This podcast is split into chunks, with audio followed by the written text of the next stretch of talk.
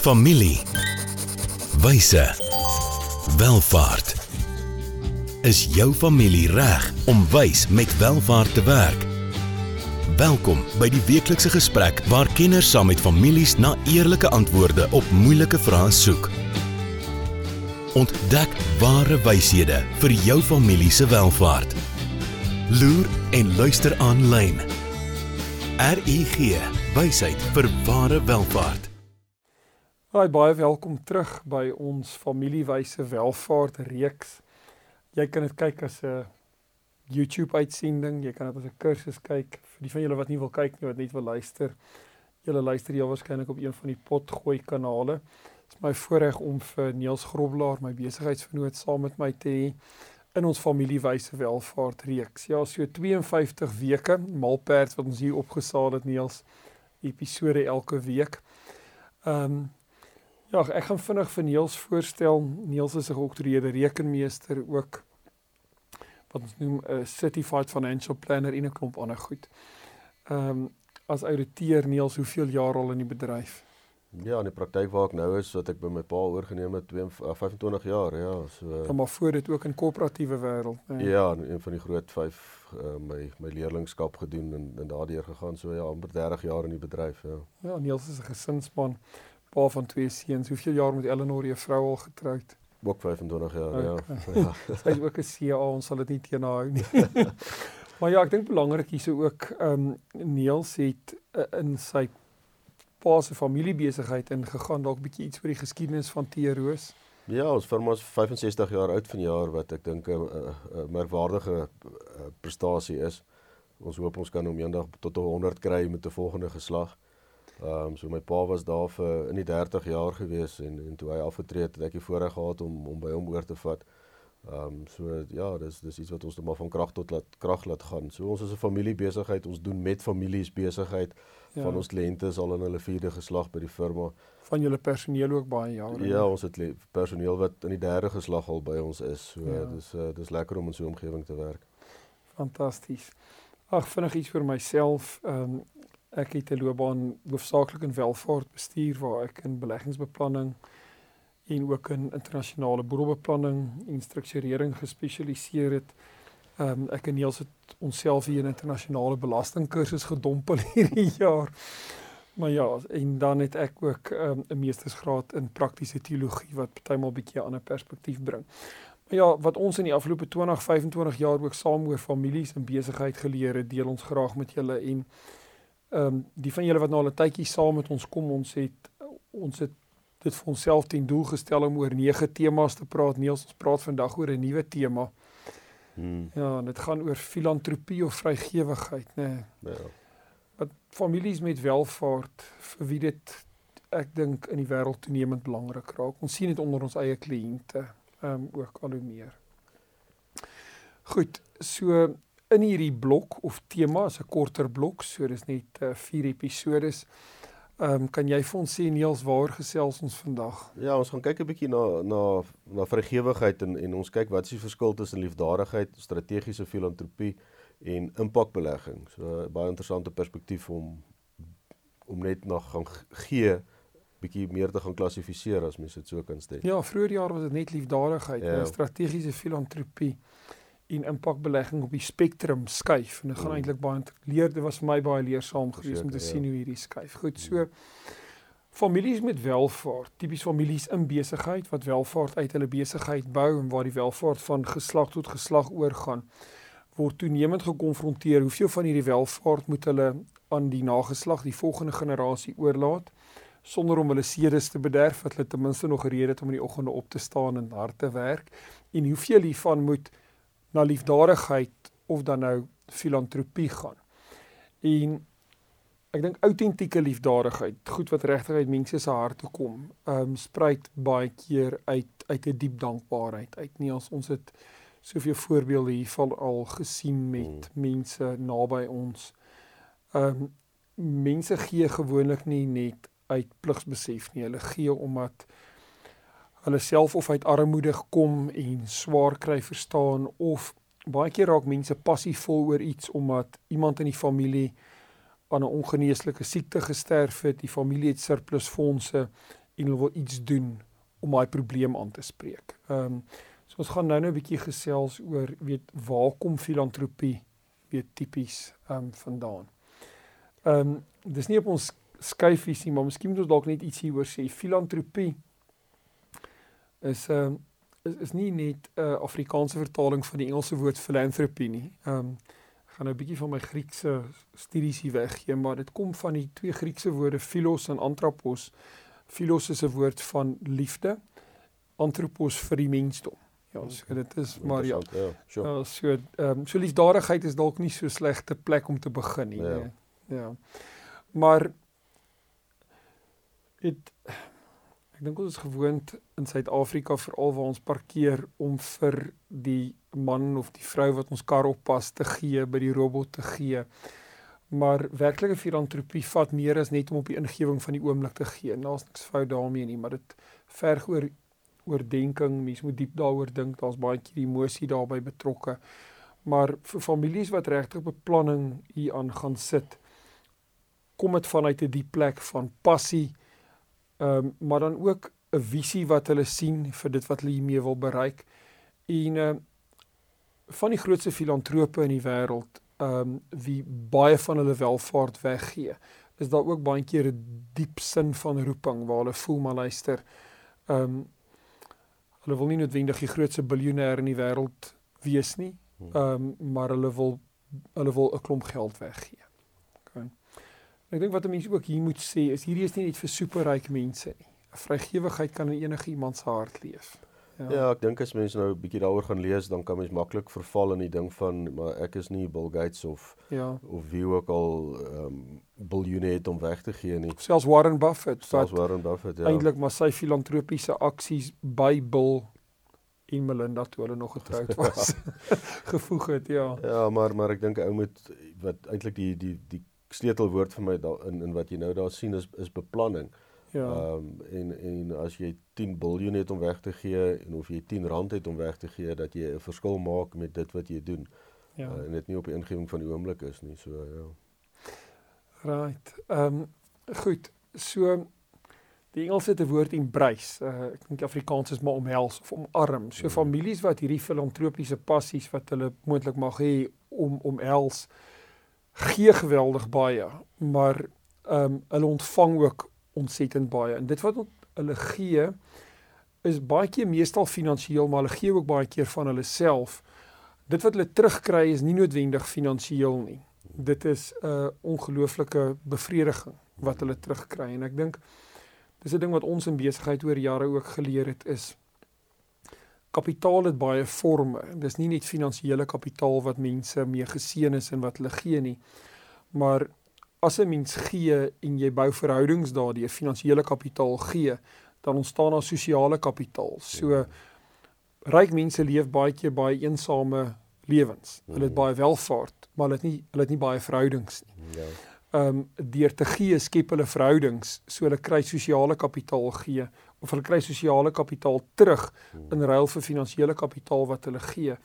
En ehm um, dan glo ons ook daar word in die proses ehm um, wat ons noem geestelike kapitaal gebou wat die hier en nou tot in ewigheid ehm um, ja, daar's 'n groot woord transcendeer, maar wat wat wat in ewigheid voortleef, jy weet. So ek dink ehm um, dis handig ook om om om hierna te kyk mense wie in besigheid um, baie kom sê op die besigheid en die finansies van die besigheid ingestel raak um, leef ongelukkig baie keer net na binne toe. Hmm. Jy weet gaan oor hoe kan ons meer geld maak? Ja.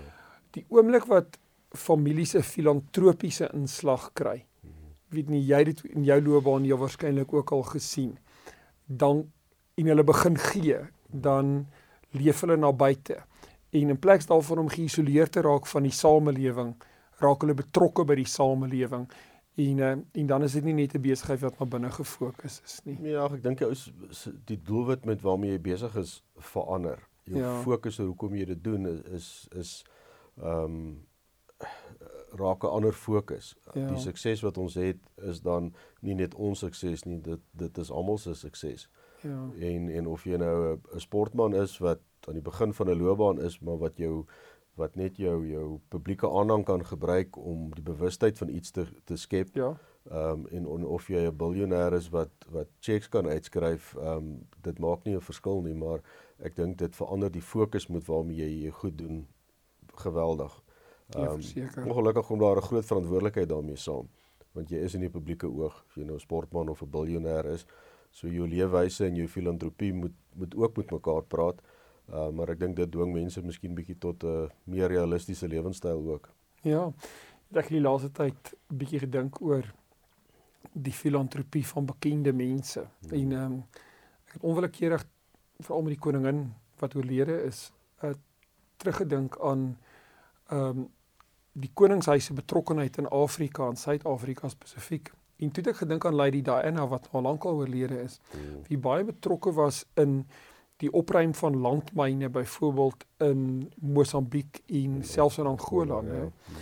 En uh weet daarmee saam ook die Bill and Melinda Gates Foundation wat weer baie betrokke geraak het. Ek dink veral in Mosambiek met malaria en die goeters. Weet so ehm um, dit is nie net die welvaart van die koningshuis wat daar bly nie. Dit dit kry ook uitdrukking op 'n ander plek. Ehm um, of is nie net uh Microsoft se welvaart nie. Dit kry weet hmm. dit gaan daaroor om uh, om uit te reik na buite toe. Goed, ek dink ons kan met een of twee van hierdie terme begin voor ons 'n uh, kort breek vat. Kom ons begin met die term liefdadigheid. So liefdadigheid is tipies waar daar 'n korttermyn onmiddellike behoefte is. Um die kar wag of die persoon by die robot of iemand wat aan jou deur kom klop en weet dis 'n kwessie van ek is honger en ek het nie kos vir my kinders by die huis nie. Daai tipe mm. van ding. So dis 'n korttermyn onmiddellike nood ehm um, wat verlig moet word. Ja, ek dink as ons kyk na die wat heidaglik nou rukkie terug gebeur het in Jagersfontein met die met die ja. dam wat gebreek het, die onmiddellike nood uh, aan te spreek is is liefdadigheid. Ek Zeker. ek dink ons sal van die ander fases hiervan eintlik kan projekteer op ja. op iets soos daai, maar dit is dit. Dit is ehm um, dis dit is 'n onmiddellike aanspreek van iets. Ja. Jep.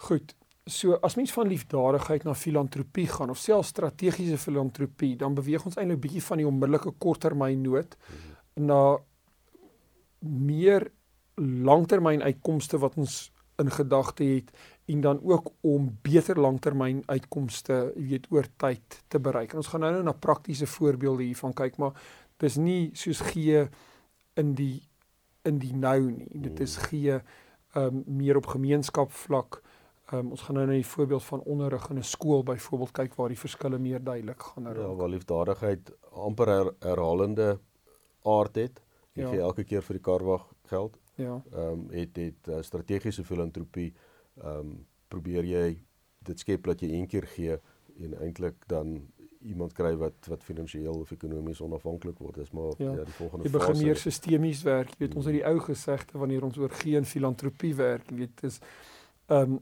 'n man is honger en hy kom vra elke dag vir jou vis, jy weet, jy gee vir hom die visstok. Ontvang jou eie. Ja, en ja. laat en laat en later dalk 'n boot ja. laat hy 'n uh, besigheid daar uit begin hè. 'n Chokka-boot daaronder waar jy bly wil ja. Ja, ja, ja. Dis baie waar. So Niels gee nou weg. Ek bly in die Republiek van Oesterbaai. ja. Goed, ja. So hier gesels ons oor die grondoorsake, weet in strategiese filantropie. Ehm um, weet waar samelewingskwessies weet baie dieper oor dink word, weet binne binne stelsels. Goed, ek dink met daai vinnige inleiding oor liefdadigheid, filantropie en strategiese uh, filantropie. Kom ons vat gou 'n handelsbreek. Baie dankie aan RGG wie hierdie vir ons borg. Gaan loer gerus op hulle webwerf rgg.ac. Ons is nou terug. Hoe gaan dit met jou geld sake? En met jou? Jy sien, in die soeke na wins, vergeet jy soms om jou beleggings met jou waardes te belyn. En dis wanneer dinge begin skeefloop. So, het jou beleggingsportefeulje waarde en ook waardes. RUG Adviesdienste sorg dat jou beleggings by jou pas, sodat jy trots kan wees op elke maatskappy waarin jy belê. Hoe jy geld maak, maak saak. Belyn jou beleggings met jou waardes. Kry jou finansies op koers met 'n persoonlike padkaart na ware welvaart. RUG wysheid vir ware welvaart. Right, ek is bevoorreg om vir Niels Groblaar saam met my te hê Niels, uh, vir mense wat dalk nou inskakel ons gesels oor. Ja, hoe kan jy vergewigheid in jou familie aanmoedig? Ja. Right. Goed. En ja, die hele tema net van liefdadigheid, vrygewigheid. Ons het um, in hierdie episode spesifiek gefokus op die verskil tussen liefdadigheid, filantropie. Hmm. Maar ons gaan dit nou 'n tree verder vat ehm um, waar iemand dalk net gee, hy donateer is en hy begin nou meer georganiseerd gee want hy wil nie elke keer vir dieselfde ding gee. Hy mm. los nie eintlik probleme op nie. Uh, dan word daar raak 'n mens meer strategies, dan begin jy kyk na wat se resultate, mm. wat bereik jy deur te gee en as mens ehm um, op hierdie spektrum eintlik opbeweeg, raak die impak groter. En dis wanneer ons by impakbeleggings kom, is die belangrike deel waaroor ons nou verder moet gesels, maar mm. baie lekker ehm um, kurwe uh, wat ehm um, deur 'n organisasie met die naam van uh die filantropiese inisiatief, dis die TPI indeks wat hulle wat hulle ontwikkel het. Goed.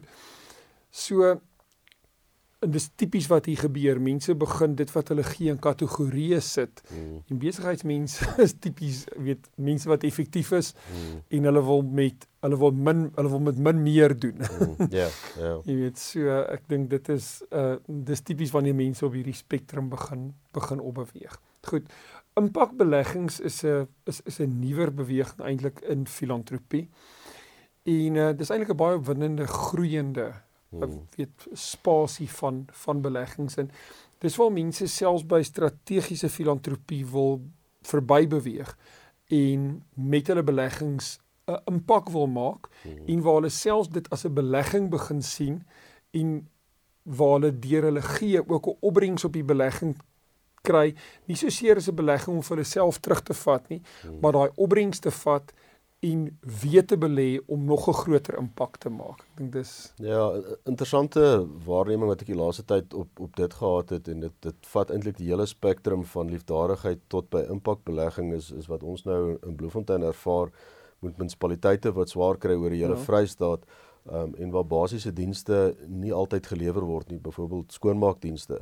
So sekere liefdadigheidsorganisasies het in Bloemfontein baie klein begin om om van daai dienste half te verskaf in die opset het hulle van liefdadigheid begin om werkgewers te wees waar ja. hulle waar hulle mense wat nie werk het nie in plaas van uh, almoes te gee 'n ja. werk gegee het en waar groot korporatiewe genoteerde maatskappye nou by dit betrokke raak hmm. en eintlik 'n kapitaalinspuiting in hierdie liefdadigheidsorganisasie insit word dit 'n kommersiële uh, onderneming ja. wat al hoe groter en groter uitkring om 'n basiese behoefte aan te spreek maar dit begin kommersieel sin maak want ek as 'n besigheidseienaar wil my omgewing skoon hou. Ja. Ehm um, my munisipaliteit doen dit moontlik nie, so ek betaal vir 'n diens om dit te doen. Daai diens betaal gaan in 'n korporatiewe omgewing maar wat 'n sterk liefdadigheidsbeen het ja, in ja, ja. wat my omgewing verander en ewe skielik het jy werksgeleenthede wat geskep word. Hmm. Um en 'n wen eintlik vir almal. So dis vir eintlik 'n baie goeie voorbeeld ja. van daai hele grafiek wat jy wat jy nou gewys het. Ja, yes, dis 'n skitterende voorbeeld. Goed, So ek het gesê mens moet hierdie dan nou as belegging sien. So weet ehm um, veral wanneer die opbrengs hiervan finansiëel begin raak waar die familie en besigheid by spesifieke saak betrokke raak en waar hulle waar hulle of hierdie kapitaal op 'n stadium terugverwag al is dit teen 'n laer opbrengskoers wat hulle in die mark kon hê. Ehm um, omdat hulle impak op die samelewing het is daai impak wat hulle het vir hulle ook 'n mate van vergoeding, maar dis nie liefdadigheid in die sin van hulle die geld gegee en hulle verwag niks daarvan oor tyd terug nie. Maar op daai manier weet brei hulle eintlik hulle ehm um, hulle portefeulje uit van beleggings. Dis net 'n ander tipe van belegging. Ja. En uh, kry hulle baie interessante balansstaat, balansstaat van integriteit waar hulle by die gemeenskap betrokke raak mm. en waar hulle teruggee in die gemeenskap. So ehm um, ek dink as mens hierdie goed weet bymekaar probeer sit en jy probeer hierdie goed bymekaar bring, ehm um, dan sien mens hierso 'n meer geïntegreerde benadering letterlik van liefdadigheid tot by impakbeleggings op die spektrum. Maar die plek waar die familie en besigheid primêr moet begin is hulle begin by hulle doelwitte. Omdat hmm. hoekom raak ons by of dit nou rommel of vullisverwydering in Bloemfontein se strate betrokke of hoekom raak ons by watersuiwering of ehm um, armoedeverligting, kospakkies in skole, handboeke in skole, ehm um, kom ons sê dwelm misbruik, jy weet mm. ehm um, rehabilitering van mense in dwelmmisbruik. Weet wat die saak ook al mag wees. Jy weet hoekom raak hulle weet daarbey betrokke. Ek en jy het die voorreg gehad om 9 jaar terug op die strate van Atlanta te stap mm. En ons het uh, een of twee Chick-fil-A winkels mm. gaan besoek. En uh, ek was nou 2-3 maande terug weer in Amerika en ek is uh, word elke keer herinner as ek in 'n Chick-fil-A instap aan hom Truett Cafe wat in die um, wat in die resessie uh van die 30er jare, eintlik die depressie jare, swaar gekry, die dolfgriller gehad het. Elke dag by 'n weeshuis verbygestap het. Sy vrou het self haar ouers verloor. Sy was 'n weeskind gewees. Oom Troot aan die Janet Cathay. En waar hy as hy daar verbygestap het, het hy gebid en gesê help my om in hierdie weeskinders se lewens 'n verskil te maak. Mm -hmm. Want hulle kry swaarder as wat ons kry op die oomblik uit 'n hoendertoebroodjie gaan maak. Mm uh, wat 'n treffer in Atlanta was uitgekring hier en die res van die storie is eintlik 'n fantastiese verhaal. Maar uit dit het hulle die Windshape Foundation begin. Um waar hulle weeskinders um inneem in huise van hierdie weeskinders kry in die restaurante geleentheid om te werk. Mm. Um hulle raak raak te franchise eienaars, maar hulle kies op 'n stadium weer om te sê maar ek wil beweeg van 'n franchise ouer na 'n huisouer. Hmm, so. jy weet so ja. maar die maar die maar die doelwit of die rede, jy weet hoekom die familie by betrokke raak, dit is die primêre ding. So as mens hier na die spektrum miskien in tabelvorm aan die hand van 'n voorbeeld sou kyk, kan ons hier 'n familie hê wie beter gehalte onderrig byvoorbeeld in hulle gemeenskap wil hê. Dis hulle doelwit.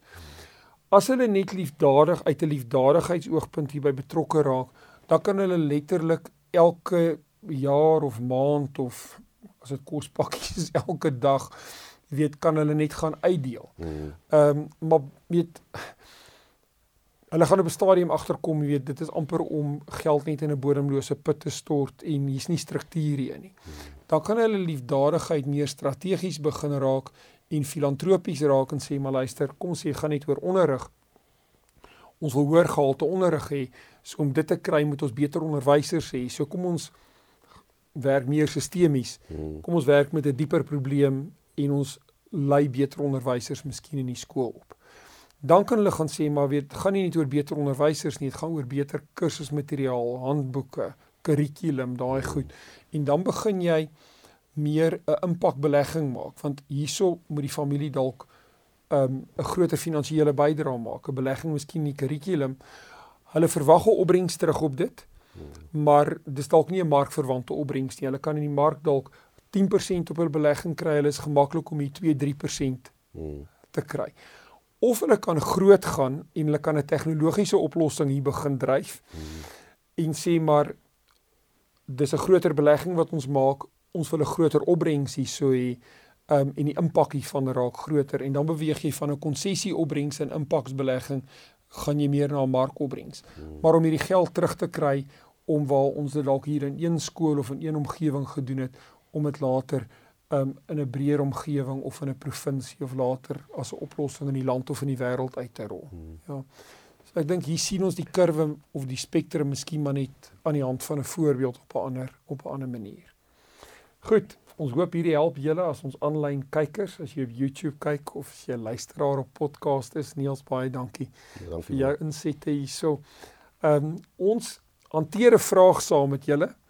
Ehm um, maar dan stuur ons julle ook met 'n vraag terug vir refleksie. So 'n stukkie huiswerk. So Niels gaan dit uitdeel. Ja, so die, vraag wat julle 'n bietjie oor kan dink tot volgende week is watter stappe jy moet neem in jou eie beplanning en leer om filantropies vorentoe te beweeg. Uh, ja. En ek dink wat ons in die begin ook gesê het, jy hoef nie Bill Gates te wees om by so iets betrokke te raak nie.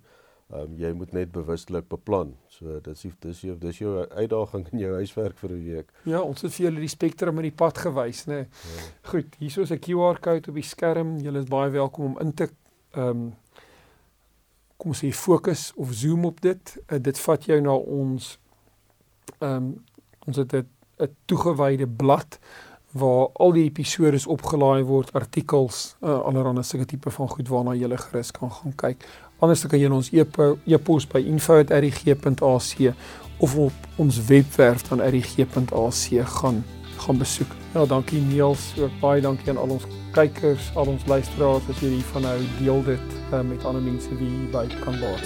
Volgende keer gesels ons verder oor wyshede wat families nodig het vir ware welvaart. Familie. Wyse. Welvaart.